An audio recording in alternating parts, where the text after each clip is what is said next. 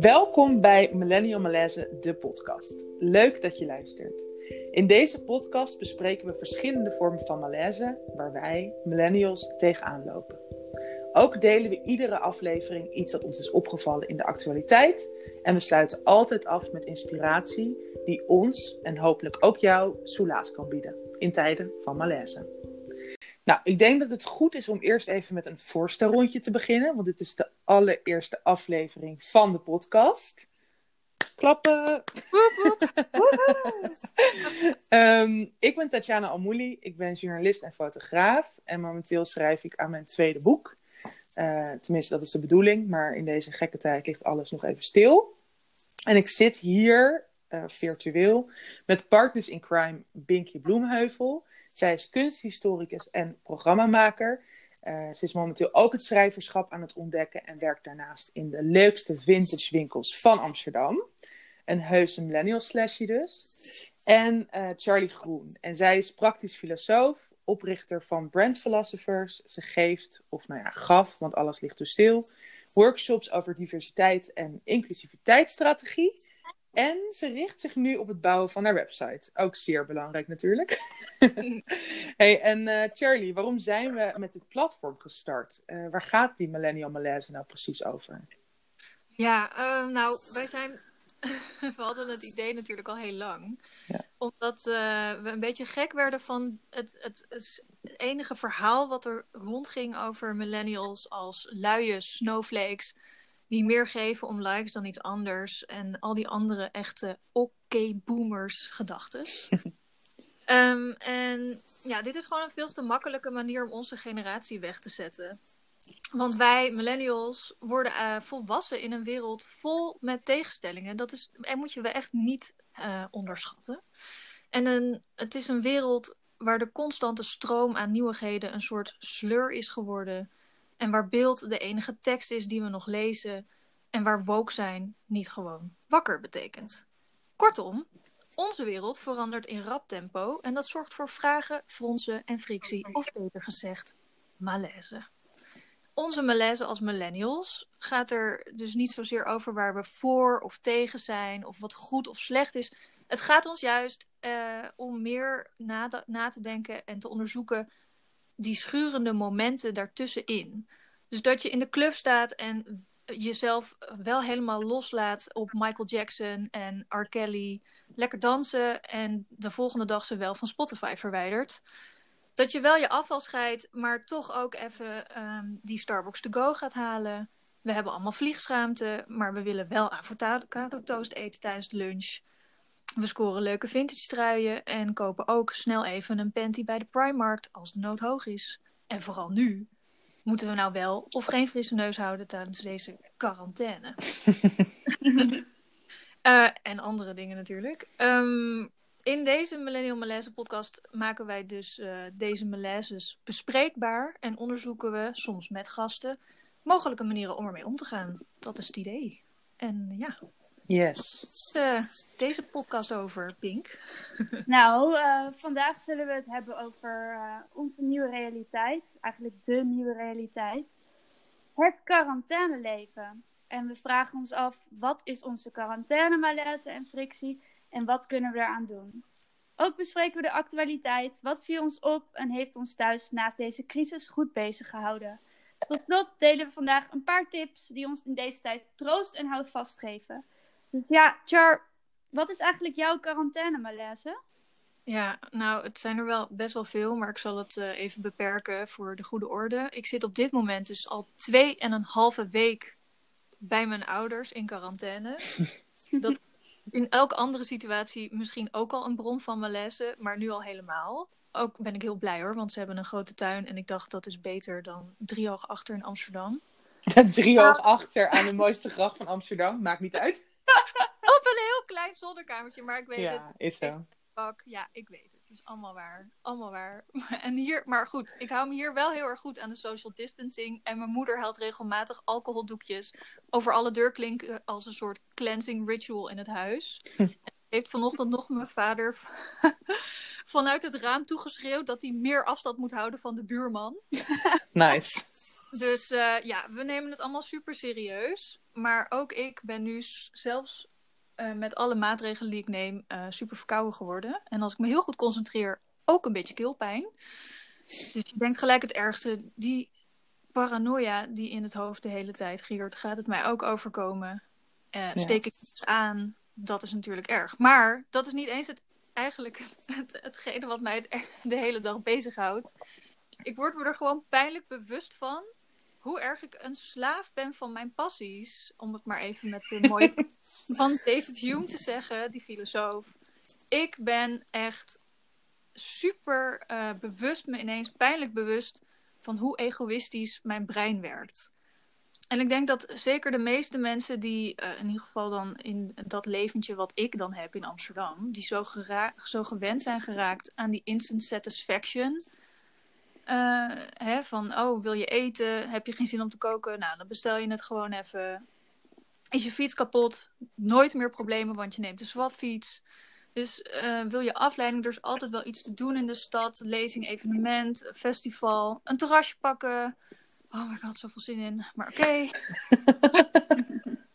of ik ga dan vaak naar lezingen. Of, en toch wel een paar keertje lekker feesten. Zeker nu met de lente.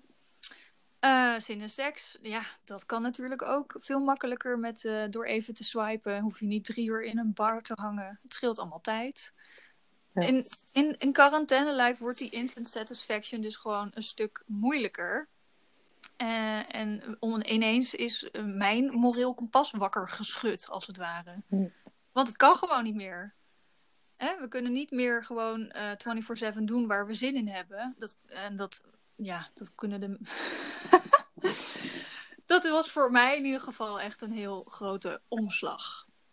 En maar het is ook heel interessant. Dus vooral, ja, eigenlijk de zin in aanraking of gewoon die huidhonger om het wat meer elan te geven.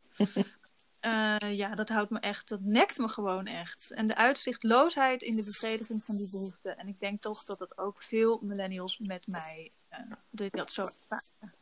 Ja. Maar goed, ja. Uh, en aan de andere kant denk ik dan gelijk, ja, relax. Het is pas een paar weken geleden dat ik voor het laatst echt uh, zo ben aangeraakt. Juicy. en mijn moeder zegt dan zelfs over mijn nieuwe crush, want je houdt geen geheimen meer als je even bij je ouders woont. Uh, ja, je moet gewoon bedenken dat hij op zee zit. En je kan er gewoon niet bij. En eigen verhaal. Zet het maar uit je hoofd. Oké, mam.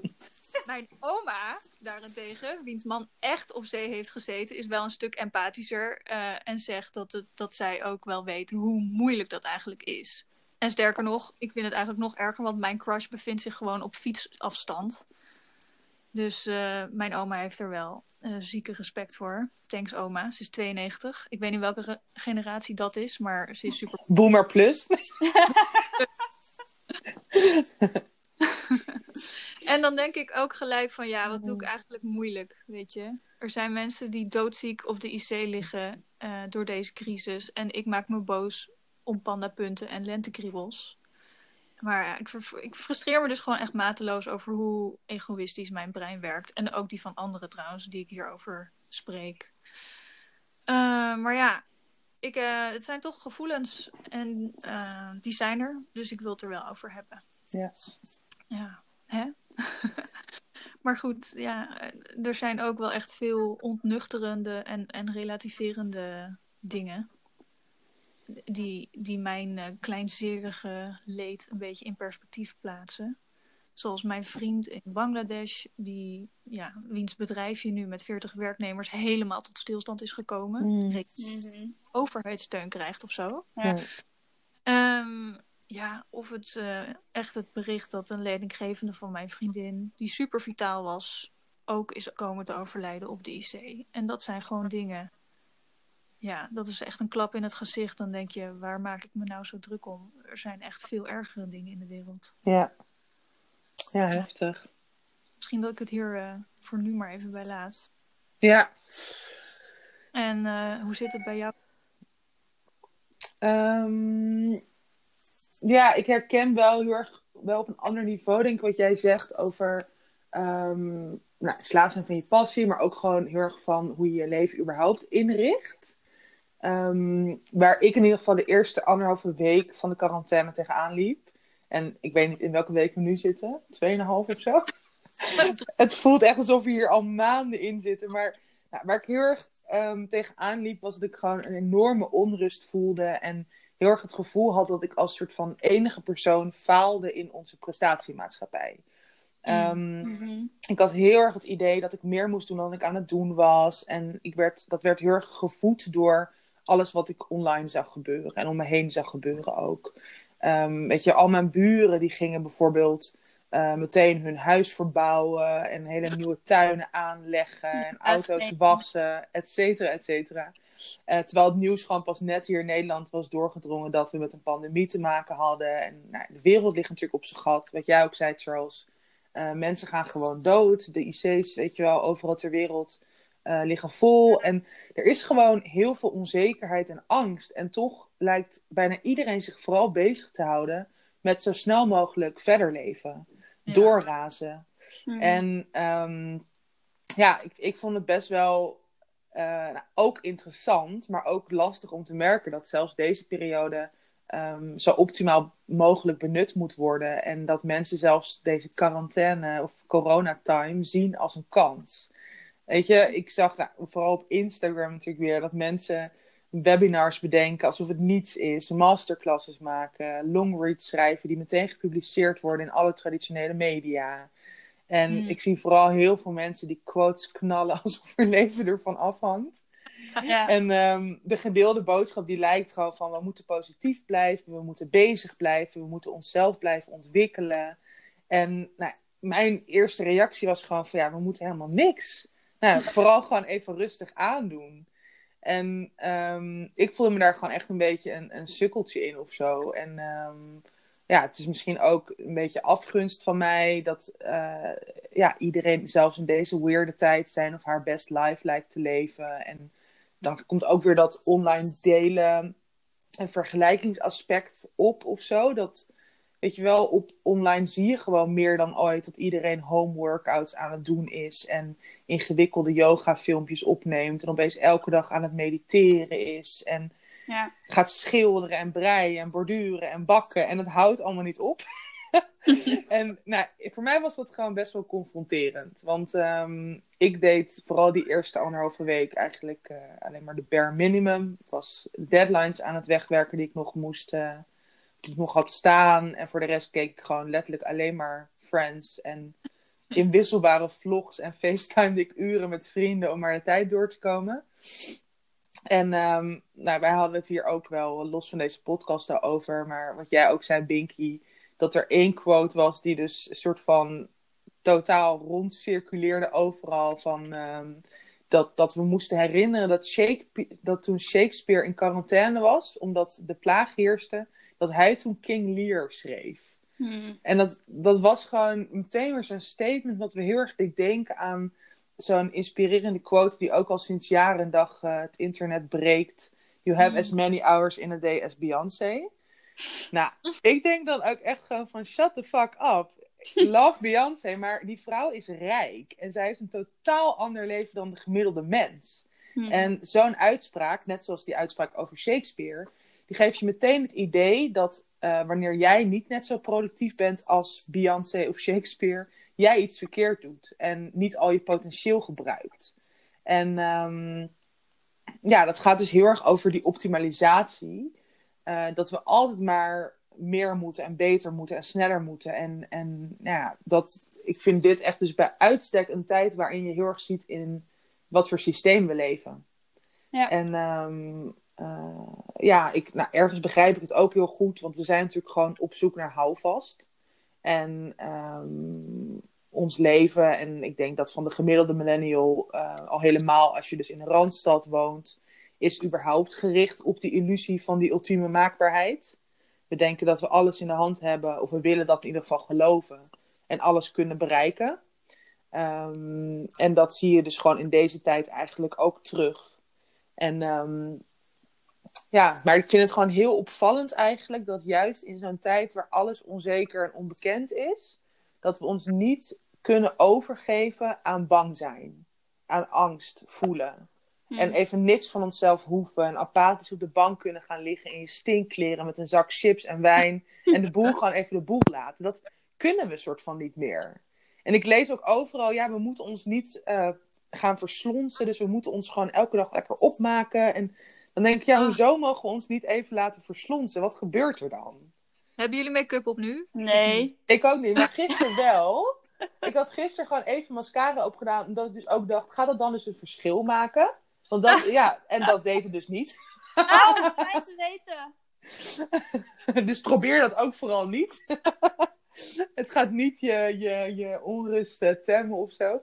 Nee, maar dat is gewoon zo opvallend. Dat, ehm, ja, dat we meteen een soort van op zoek zijn naar afleiding. En, en, en alsnog ons leven zo goed mogelijk verder leven. Terwijl ja, dit is gewoon een hele gekke periode. En ehm, nou ja, dat is wat ik gewoon merkte. En ik, het is niet dat ik zelf soort van heilig ben, want ik eh, doe er zelf ook gewoon aan mee. Maar ik vind het wel interessant om te zien en ook wel goed om het hierover te hebben. En ook om dus nou, bijvoorbeeld ook online ook soms wel tegengeluiden te laten zien. Want anders gaan we weer met z'n allen ons kut... Weet je, dan wordt het een soort van nieuwe FOMO of zo.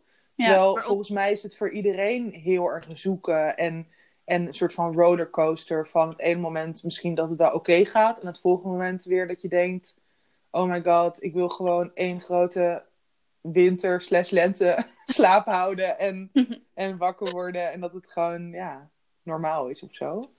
Wij nu wel ook een podcast, dus we doen er wel. Ja, nou, en net zo goed dat wat wij ook al wel allemaal hebben besproken, dat wij ook eh, een paar keer onze stories hebben gezet als we lekker gaan yoga of eh, Ja. een high intensity lesje online doen. En dus daarom, het is echt niet dat wij ons eraan, of dat, laat ik voor mezelf spreken, dat ik me eraan onttrek, terwijl ik me er dus ook aan erger.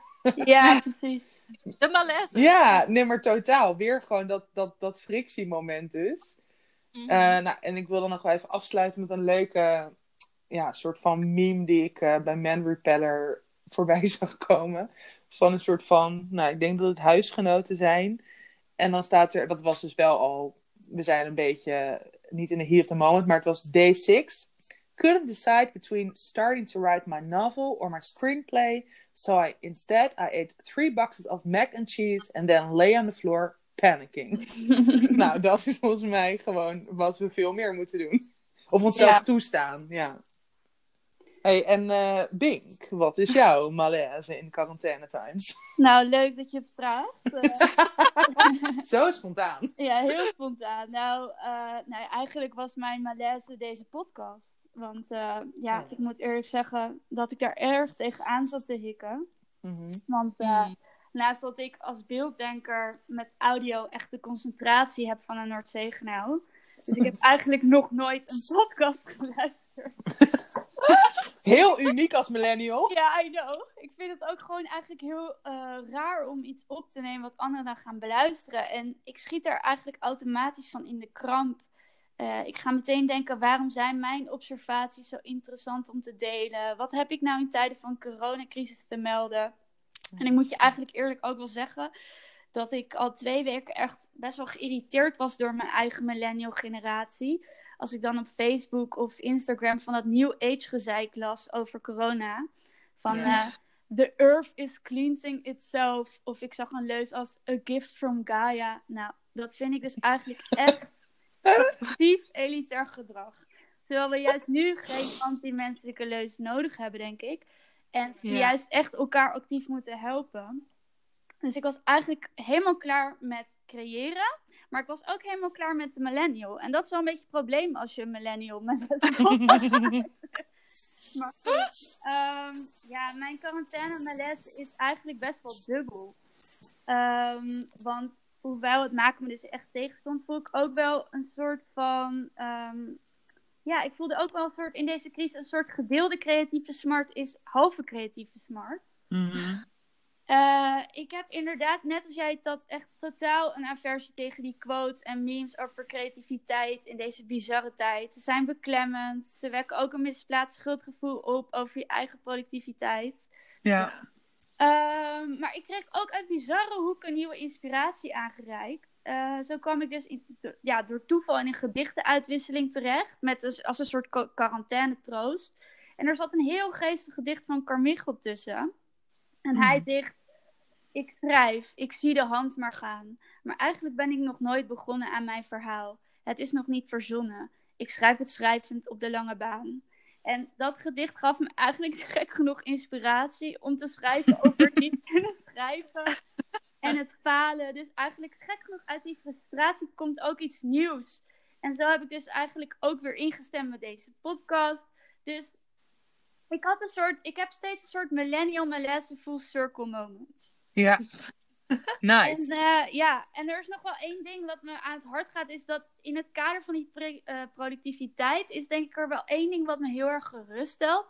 En dat is dat in deze tijd het misschien wel het moment is waarop de creatieve sector echt een dikke middelvinger opsteekt naar degene die altijd roepen dat kunst niet waardevol is. Ja. Want deze quarantaine doet eigenlijk echt, hoop ik, beseffen dat het juist de kunst en literatuur zijn die onze zelfisolatie draaglijk maakt. Ja. Ja. Het helpt ons realiteit ontvluchten. In deze, ja, in deze aaglijke tijd snakken we dus naar de kracht van verbeelding. En daarom misschien ook ja, een podcast. Weer een full circle moment. Yay! Yay! Eh, ja. Nou ja, dit waren wel, eh, denk ik, voor ons allemaal heel herkenbare malaises. Toch? Ja. Ja. zeker. Ik vind het eigenlijk wel grappig, want als we het zo achter elkaar bespreken, dan zit er best wel een soort overeenkomst in. Namelijk de frictie. Ja. Ja, voor, al, voor iedereen net even anders, maar dat is zeker wat ons eh, ook weer bindt in deze. Ja, en het is ook, weet je, wat er gewoon natuurlijk ook heel erg mee te maken heeft, is dat, denk ik, millennials bij uitstek gewoon heel vaak inderdaad slashies zijn of als freelancer werken, waardoor je gewoon... Kijk, als ik bijvoorbeeld naar mijn vriend kijk, wat ook een millennial is, maar hij is wel ehm 35, dus wel een oude millennial. Old school millennial. Oldschool millennial.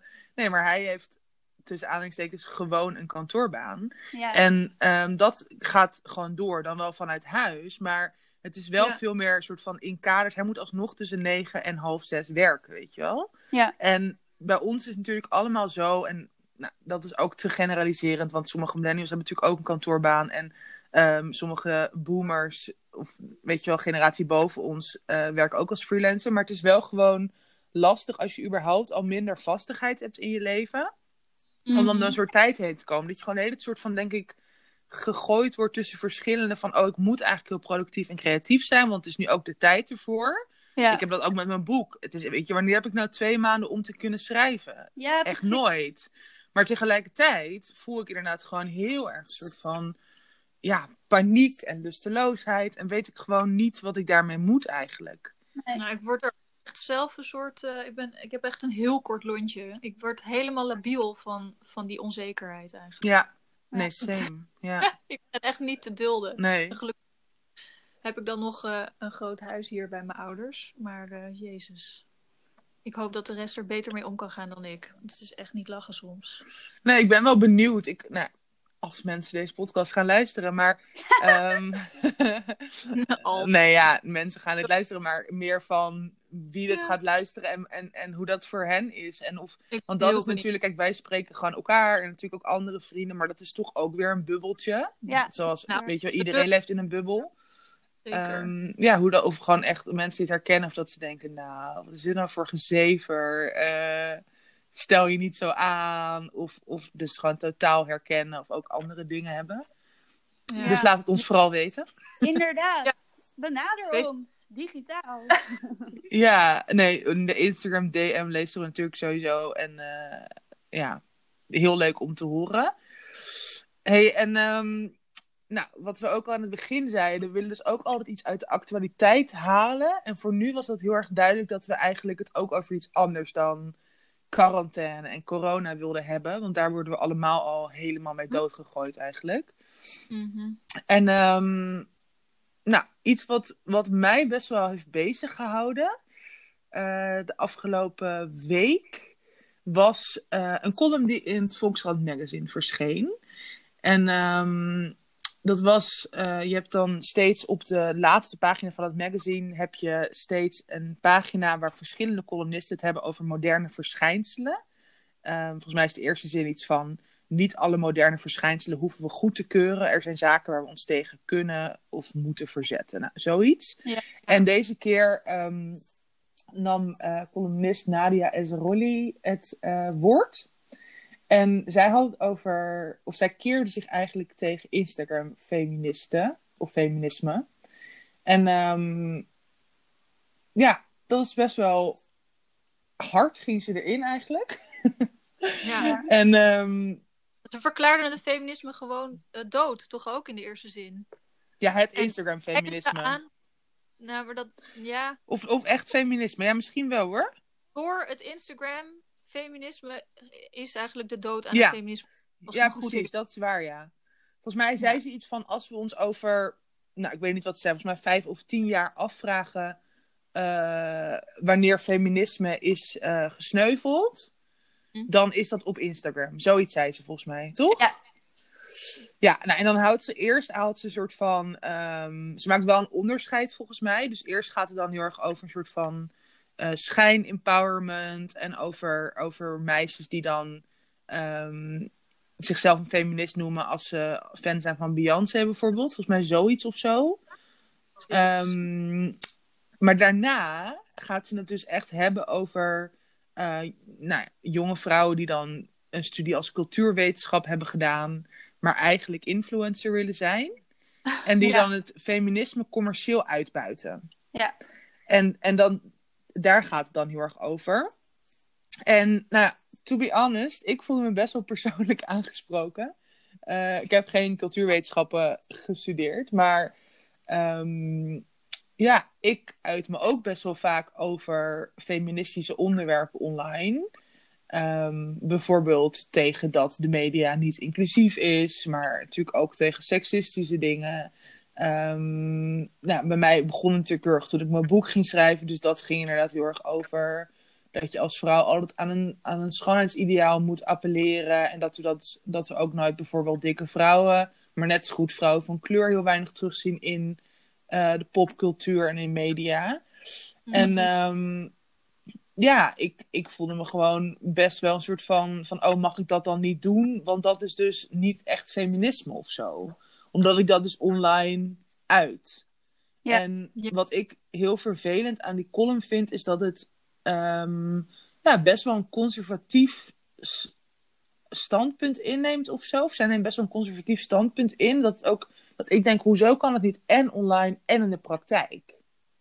Ja. precies. En ik vind het ook ergens een soort van narrow-minded. Want juist door sociale media horen we meer diverse geluiden. Is het veel democratischer. Ik bedoel, je kan zelf kiezen wie je volgt. En je kan zelf ook het podium nemen. Omdat je juist niet hoeft af te wachten tot je vanuit de traditione- traditionele media... ehm, Omarmd. ja, precies, dat, dat zij je omarmen. En nou ja, ehm, wat er onder zit, of tenminste dat heb ik me laten vertellen, of nou, ik even kijken wat ik hierover ga zeggen, maar ik zit in een... Hou het Ehm, Zwitserland. Nee. ja, ik hou het Zwitserland in zeker. Nee, ik, ehm, ik zit, ja, ik wil er wel iets over vertellen. Ik zit in een, ehm, in een appgroepje met eh, nou, andere eh, best wel activistische vrouwen. En echt vanuit, er zit een paar, er zit iemand vanuit de politiek bij, er zitten zangeressen bij, actrices, schrijvers. Echt best wel, nou ja, gewoon divers qua wat, wat we doen, maar ook ehm, divers qua achtergrond. Heel leuke appgroep, ook interessant. Eh, we bespreken vaker dit soort dingen met elkaar. En nou, de column werd dus ook gedeeld. En eigenlijk eh, reageerde het grootste gedeelte van die appgroep reageerde een beetje hetzelfde als ik. Van, oh, nou, wat, wat flauw. En wat we, waar we, wat we ook heftig vonden was dat ehm, de columnist zich heel erg tegen Madeleine van het account Zijkschrift keerde. Dus heel erg ad hominem. Het was echt persoonlijke aanval. Terwijl, en ook best wel misplaatst voor mijn gevoel. Want zij, ehm, ja, zij noemde haar volgens mij leeg of opportunistisch of ijdel of, of allemaal. Terwijl zij zich juist heel erg voor eh, nou, intersectioneel feminisme en voor gemarginaliseerde groepen inzet. Dus ik vond dat best wel misplaatst. Ehm, maar ja, toen op een gegeven moment kwam het gesprek er wel op van ja, maar het gaat, het gaat ook waarschijnlijk heel erg over dat, eh, dat er nog veel te veel wit feminisme wordt vertegenwoordigd. Dat het nog veel te weinig intersectioneel is eigenlijk. Ja. En dat, ja, ik ben erbij over na gaan denken. En wat ik wel vind, is dat dat echt niet terugkomt in die column. Dus dat als, het daar, als ze het daarover had willen hebben, dan had ze dat, wat, naar mijn mening, echt wel veel explicieter kunnen zeggen. Want dan was het echt wel een andere discussie geweest, vind ik. Ja. Maar als het daar dus echt over gaat, dan heeft ze natuurlijk echt wel een punt. Want dat is ook, weet je, je ziet ook, ja, witte vrouwen, witte feministen krijgen vaker het woord. En ehm, je ziet sowieso dat er heel vaak, als er, weet je wel, als, als, als activistische of feministische vrouwen worden ingezet bij evenementen of panels, dan is het vaak ook dezelfde pool waaruit wordt gevist. En dat gaat dan misschien nog niet eens heel erg over of het witte vrouwen zijn of vrouwen van kleur, maar gewoon überhaupt al. Ja. Mm. Ehm, nou ja, ik weet niet. Ik, het, het, het, hield me echt bezig. En ik vind het. Oh, nou, eerst was ik dus wel dat ik het gewoon heel lastig vond. En dat ik vooral dacht, nou, uh, doe even rustig. Of dit klopt gewoon niet helemaal. En uiteindelijk. Ik heb er in ieder geval heel veel discussie over gevoerd. En ik ben wel ja, benieuwd ook. Oh ja, wat ik nog één ding wat ik, wat ik ook wel heel interessant vond. Ben benieuwd of jullie dat ook zo zagen. Is dat. Um, nou, over dus leeg en ijdel zijn. Dat, ik het, dat gaat ook heel erg. Waarom mag je dat niet zijn als vrouw? Hoezo kan je niet en inhoudelijk zijn? Ja. En, te, en hartstikke slim en belezen zijn, bijvoorbeeld zoals Madeleine. En tegelijkertijd ook gewoon wel soms een selfie willen plaatsen. En weet je wel, omdat je er goed uitziet. Dat kan toch ook gewoon naast elkaar bestaan? Ja, dat... dat ook, ja, dat is dan heel erg ook weer dat, dat een vrouw er dan meteen op wordt gepakt of zo. ja, of feministen die andere feministen aanvallen in plaats van samenkomen. Ja, ik nee, dat, zeker. Dus ook altijd met een feminist mag geen make-up dragen, een feminist mag niet in deeltijd werken, een feminist mag dus kennelijk niet op Instagram haar mening verkondigen. Weet je, het zijn allemaal van die mhm. regeltjes. En wie verzint de regeltjes? Ja. Ja. Ja, nou ja, ik heb ook echt, uh, echt mijn hoofd erover gebroken uh, over deze column. Ja. En ik merkte ook dat ik echt super hard in de verdediging schoot op het moment dat ze dus zeikschrift erbij haalde. Omdat ik dat gewoon uh, niet ik, snap het wel dat natuurlijk de verleiding uh, bestaat en dat het ook echt gebeurt op Instagram. Dat het feminisme misschien een beetje gebruikt wordt voor commercieel, uh, voor commercieel gewin. En dat het dus eigenlijk een, ja, een holle boodschap dan wordt, omdat er niet echt iets in de wereld verandert of zo. Maar ik heb niet het idee dat dat dat met Zijkschrift aan de hand is. Ik vind dat zij heel in, inhoudelijk echt wel sterk is. En ook als ik haar live zie optreden, dan, ja, dan, nou, ik waardeer haar inzet gewoon echt enorm. Maar goed, ja, uh, voor mij is het ook het, het feminisme aan zich, wat uh, zij dus dood verklaart hierdoor, nog hartstikke levend.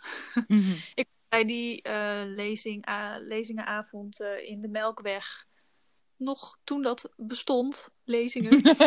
ja, dat was voor de Women's March, toch? Volgens mij de avond ervoor of zo. Ja, ja, precies, voor de Women's March. Oh mijn god, dat hebben we ook allemaal gedaan. Ja, dat was net voordat we allemaal opgesloten werden in onze huizen. ja, nog voor de ijstijd.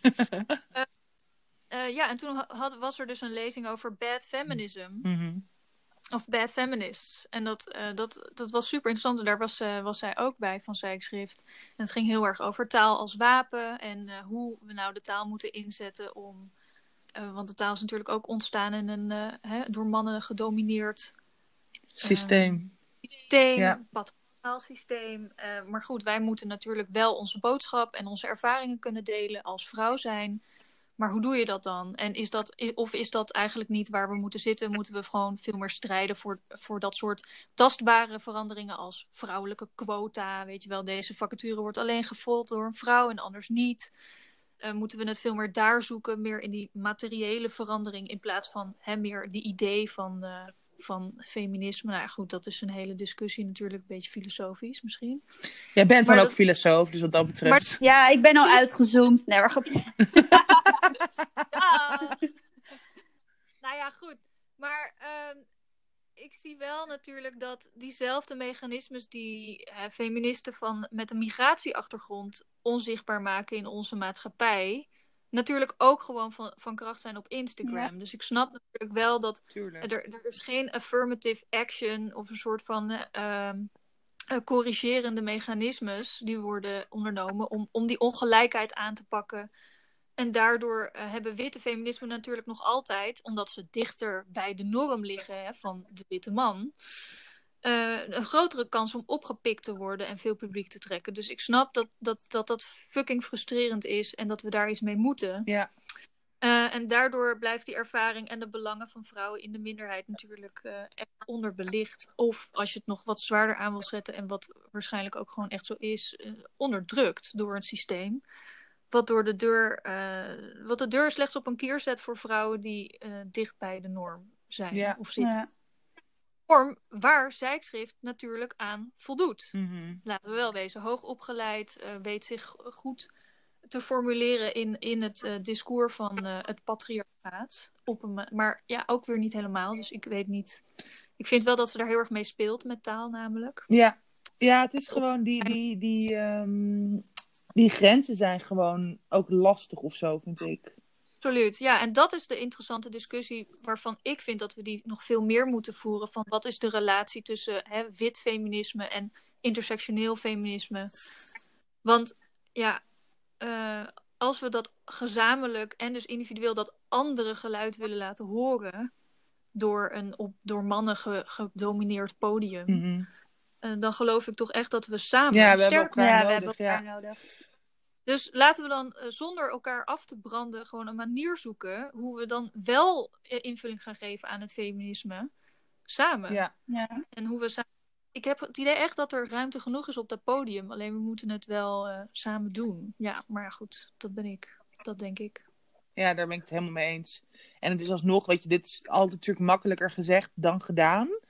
Ehm, maar het is wel, ik denk dat dat wel de intentie is waar we voor moeten gaan. En dat, we, dat het ook heel goed is om, dat vond ik ook in die appgroep uiteindelijk. Het is gewoon goed om de discussie met elkaar aan te gaan.